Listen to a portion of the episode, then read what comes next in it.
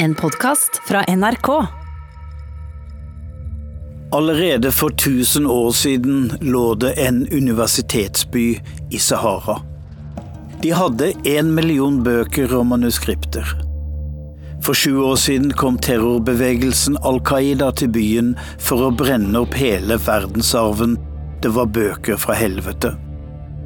Så de knuste først mausoleer og moskeer. Deretter satte de fyr på 4000 bøker og håndskrifter inne i biblioteket. Folk gråt og var skrekkslagne. Jihadistene jublet, men for tidlig. For de hadde ikke regnet med Abdel Kader Haidara. Merk deg det navnet. Toms afrikanske fortellinger.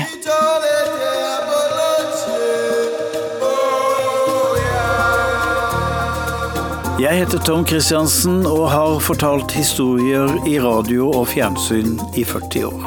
Mange av fortellingene kommer fra Afrika. Der har jeg vært korrespondent og levd mange år av mitt liv. Det jeg skal berette om nå, stemmer antagelig ikke med noe av det du har lært om Afrika.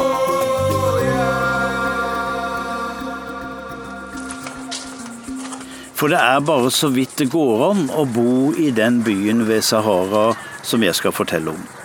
Ja, stedet ligger så langt vekk i stand at mange som ikke har hørt om langt vekk i stand, de sier Timbuktu i stedet. Timbuktu. Det er ikke en rapper fra Malmö, men en ørkenby i Mali, bygd av leire for 1000 år siden, og den står der fortsatt. Abdel Kader Haidara kommer derfra. Han er høy og stor, kledd i en vid, hvit kappe og med ei bønnelue på hodet. Den ligner en pilleske. Han bor i enden av veien. Den er ikke asfaltert, men i rød sand. Et velstandshjem med vakre fliser og høyt i taket. Han har flere hundre tusen håndskrifter, og det er akkurat de bøkene og skriftene som er gullet i denne fortellingen.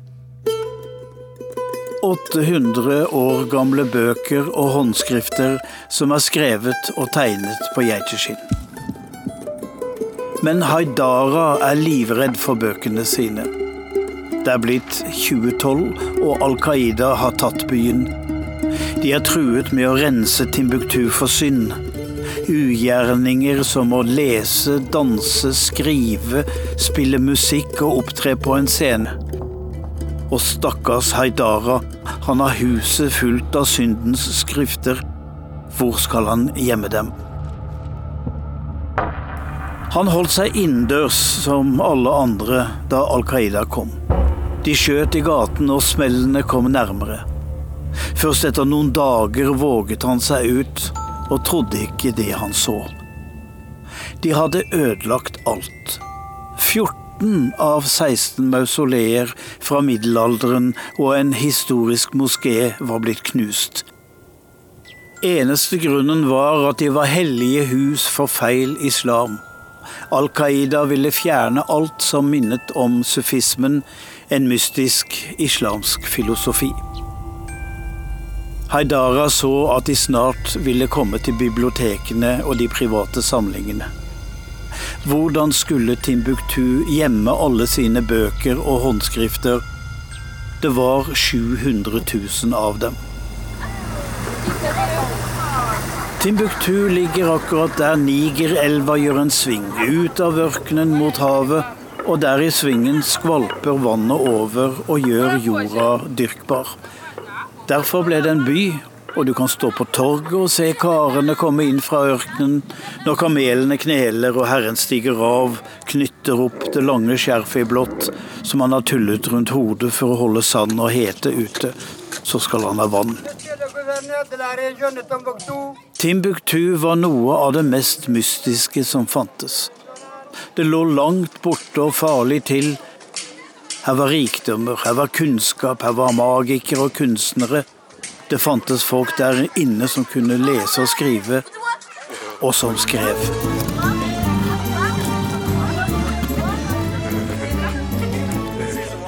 Noen hadde vært der, for gjennom Timbuktu gikk handelsveier. De reisende kom padlende langs elva eller ridende på kamel. Handelsmennene skrev sanger, dikt og reiseskildringer.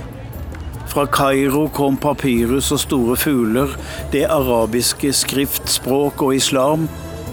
Fra sør kom slaver, gull og elfenbein. Fra vest kom krydder. De kjøpte bøker og skrifter og betalte med salt og gull. Kongen kjøpte ei ordbok for prisen av to hester. Timbuktu var navnet på hovedstaden i eldgamle riker som er gått under. Timbuktu hadde kunst- og vitenskapsmenn. For tusen år siden, da vi var vikinger på korstog og drev med terror i Midtøsten, da var Timbuktu en universitetsby med 25 000 studenter. De hadde tre fakulteter teologi, medisin og juss, og lærebøkene kom som papyrusruller med kamelkaravaner fra de egyptiske dynastier. De navigerte etter stjernene og fant fram til Timbuktu. De klokeste bodde enkelt i hus av leire, men med en arkitektur som viste at her levde en professor.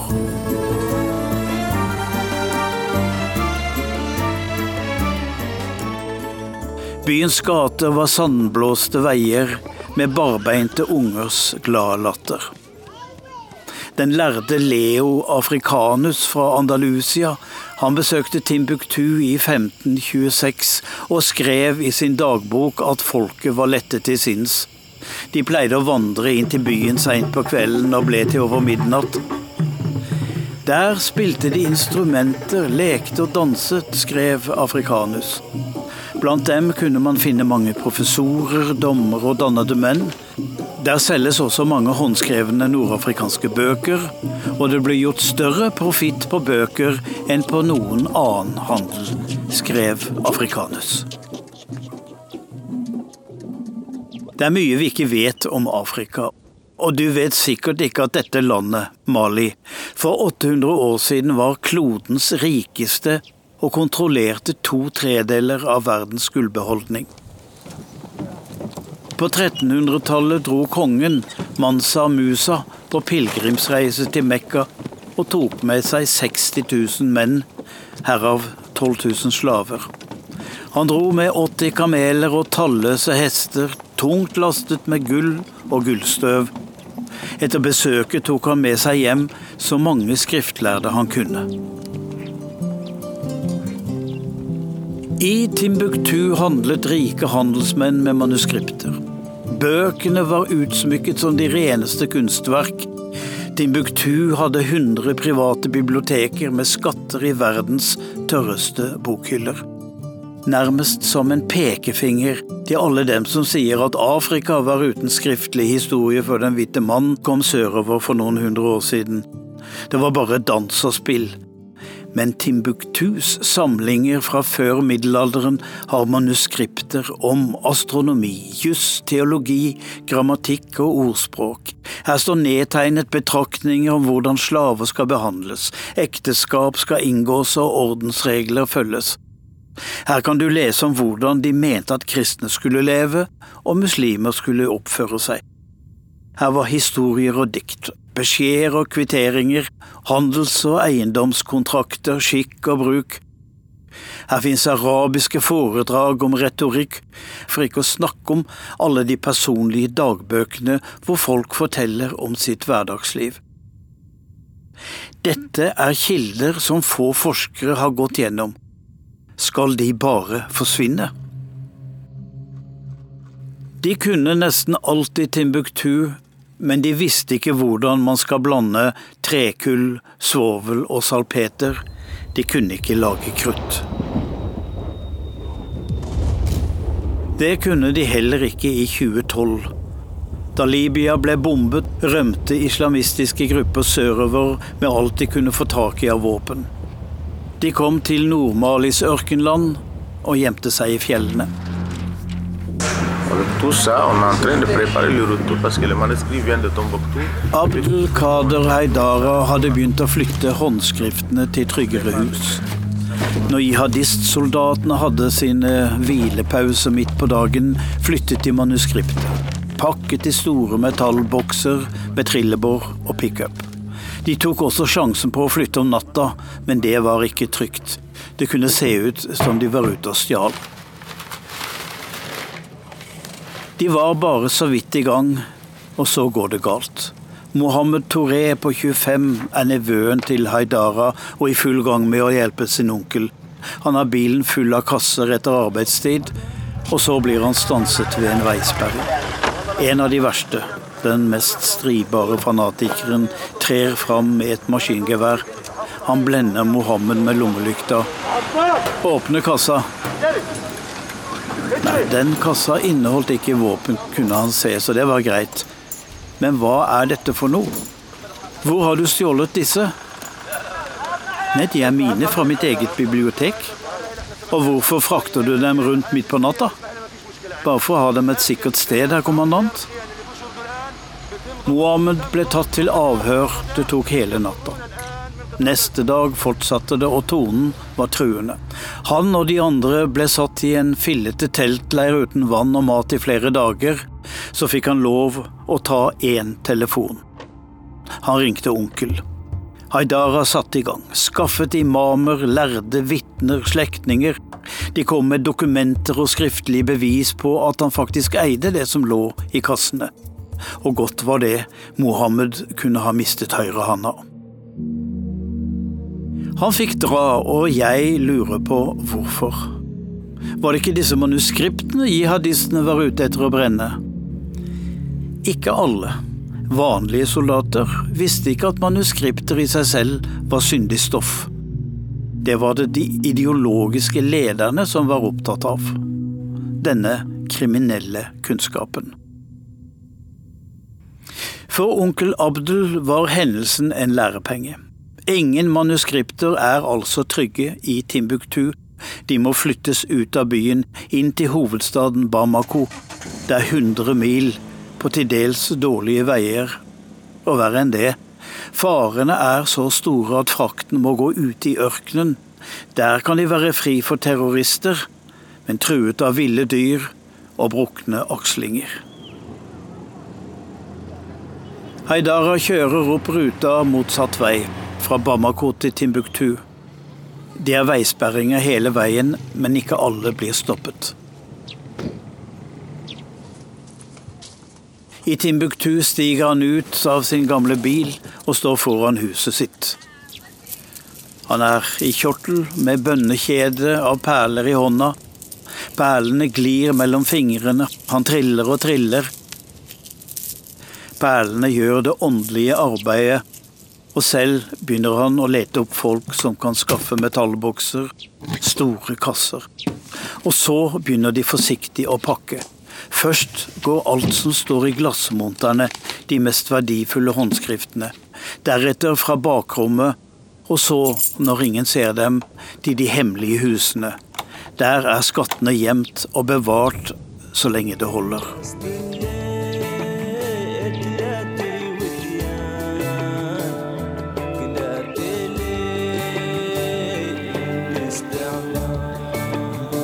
Det er herfra tuaregene kommer.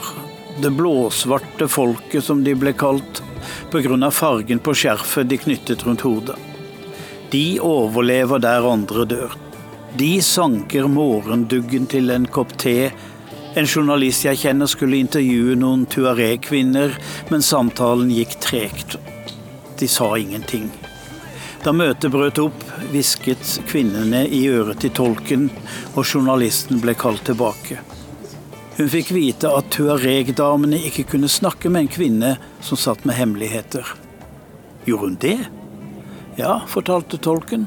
Hvorfor sitter du der ellers med beina i kors? Så samtalen fortsatte, bredbeint under trekronene. Al Qaida ville skaffe seg et eget kalifat. Da kunne de ta hånd om den lukrative businessen langs de gamle handelsveiene. Ikke slaver, salt og gull som den gang, men flyktninger på vei mot Middelhavet. Og så narkotikarutene, sigarettrutene, og så var det én ting til. De skulle rense Mali for synd.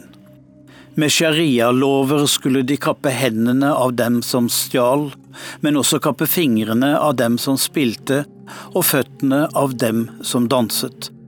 De som sang, skulle få tunga skåret ut. De hadde planer. Haidara sov dårlig. Han visste aldri om han ville våkne neste morgen. Timbuktu var livløs, nesten som om den hadde mistet sin sjel. Haidara hadde forbindelser i Europa. Det var forskere som kjente Timbuktus skatter. De visste om Haidaras private samling og alle de andre. Kunne de skaffe noen penger til innkjøp av stålkasser? Kunne en bevilgning de hadde fått, brukes til noe annet mer presserende? Det kunne de, og han kjøpte 2500 kasser til bøker og skrifter. Så pakket de i hemmelighet og så skulle smuglingen begynne. Kasser ble lempet på lastebiler som likevel skulle til Bamako. De måtte regne med å få varene undersøkt. Soldatene lette etter våpen mer enn diktsamlinger og tidebønner. Et nettverk ble bygget opp. Haidara og hans hjelpere hadde kjøpt mange billige mobiltelefoner som knapt kunne spores, og som de skiftet underveis. Transportmiddelet var Bush-drosjer, store biler som kunne ta mange passasjerer. Nå fraktet de bare bokser. To-tre med hver bil, og to mann til å passe på. Det begynte å haste. Jihadistene var blitt lommekjente i Timbuktu og venner med folk. De fikk vite mer enn godt var. Tomme hus fulle av dokumenter, f.eks. Ahmed Baba-instituttet hadde 15 000 håndskrifter. De kom dit også og tente på hele bygningen, men de visste ikke at mesteparten var skjult under gulvet, uskadd. Borgermesteren ble tilkalt. Han vasset i forkullede rester av geiteskinn. Det var på dem han skrev, og han fikk vite at 4000 verker var satt fyr på. Til journalister i hovedstaden fortalte han at alt er brent, og han hadde sett det selv.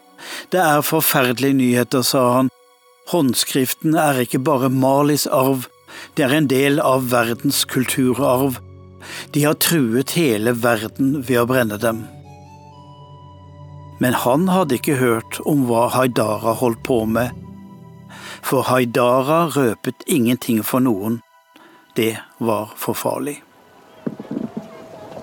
Det går for langsomt. De må ta i bruk elva. Det har Haidara i det lengste unngått.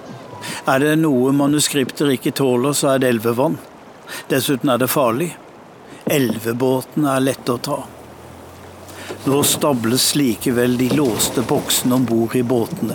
De skal seile om natten, men det er risikabelt. En strøm av båter opp Nigerelva kan se ut som en våpentransport. Og det er det et helikopter fra den franske hær tror. Med skarpe lyskastere blottlegges ekspedisjonen. Helikoptrene henger over transporten i lav høyde. Geværene peker mot skipperne. Etter en stund trekker de seg tilbake. Men flere tror de smugler våpen, og soldater blir forbauset over hva de finner i kassene. Bøker, dokumenter, gammelt skrot. Haidara har gitt smuglerne beskjed om hva de skal si ved de forskjellige veisperringene. Regjeringskontrollerte maktposter får vite at det er regjeringens dokumenter som skal til arkivet i Bamako. Andre får vite at det er private papirer og bøker, de skal til byen og bindes inn. Løgn alt sammen i det godes tjeneste. Jeg har lurt på hva de internasjonale institusjonene som støttet Haidara, ventet av kvitteringer og regnskaper. De representerte jo institusjoner som krevde sine revisorer. For Haidara brukte ikke alle pengene til å kjøpe kasser og leie biler. Han hadde flere utgifter enn til reservedeler og sjåførpenger. Han trengte atskillige tusen til bestikkelser. Når en sjåfør sitter med en geværmunning inn det nedrullede vinduet, hjelper ikke kunnskaper om sharia. Du må ha cash. Og Haidara betalte. Han sto i stadig telefonkontakt med sjåfører og hjelpemenn på lastebil. I en krigssituasjon kontrollerer gruppene som kjemper alle veier. Men det gjør også banditter utkledd som regjeringssoldater, geriljasoldater, landsbypoliti og sikkerhetsvakter. Pengene går, og det finnes ingen faktura, bare bergede manuskripter. I 2013 er smuglingen av Timbuktus manuskriptet over. Da tar også Al Qaidas voldshelvete i byen slutt. På vei ut knuser de og brenner mest mulig. De rekker også å voldta kvinnene. Abdelkader Haidara er utslitt og blakk. Alt han har fått, alt han har tjent, har han tapt. Men han har vunnet seg verdensberømmelse blant sivilisasjonens nerder, som er like glad i sine manuskripter som sine egne barn. Haidara kan sette bøkene tilbake i glasskapene sine i de høye rommene med persiske tepper på gulvene. Hvordan har det gått med manuskriptene? Håndskriftene som kom til Bamako, hadde fått like store skader av den fuktige luften som de hadde fått gjennom 800 år i Timbuktus tørre bokhyller. FNs organisasjon for kultur og vitenskap, UNESCO, grep inn og skaffet lokaler og klimaanlegg. Siden har de, med bl.a. norske penger, passet på å utdanne folk som kan bevare og vokte verdensarvens bokskatter. Men har noen tenkt å lese manuskriptene som er i bibliotekene og hjemme hos Haidara og alle de andre bokfamiliene? Det blir neste kapittel. Og noen har begynt. For nå kan vi endelig finne ut hva Afrika har vært, og hva Afrika er, før den hvite mann kommer dit og skriver sin versjon av historien. Ja, vi må antagelig skrive om historien om Afrika. De som har kodet skriftene fra Timbuktu, er kommet over beskrivelser av hvordan de for 800 år siden fredfullt løste konflikter gjennom tilgivelse, dialog, toleranse og læring om motpartens tankegang. Barn på ti år skulle beherske mer enn ett språk. Om de fattige står det at troende muslimer ikke skal holdes som slaver. De sterkeste har plikt til å holde slaver som er de svakeste, det omfattet også mennesker med funksjonshemninger. Da ville de overleve. Slaveriet var altså en måte å ta vare på folk, før den hvite mann kom og kjøpte de sterkeste.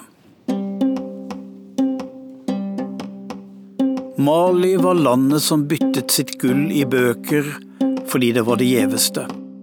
Så ble de da også intellektuelle der ute i ørkenen hvor Nigerelva gjør en sving.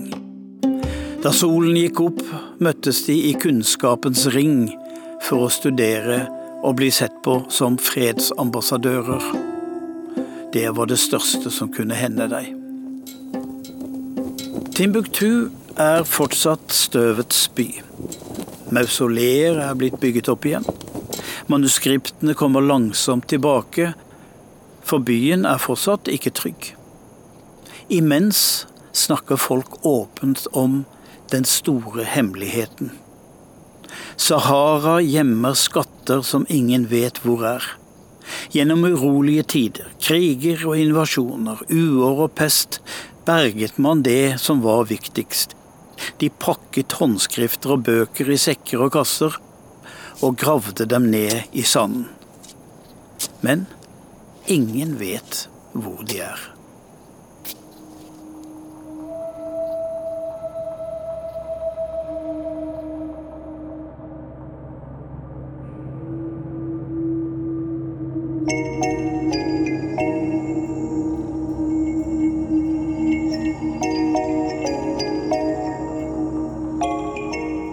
Toms afrikanske fortellinger.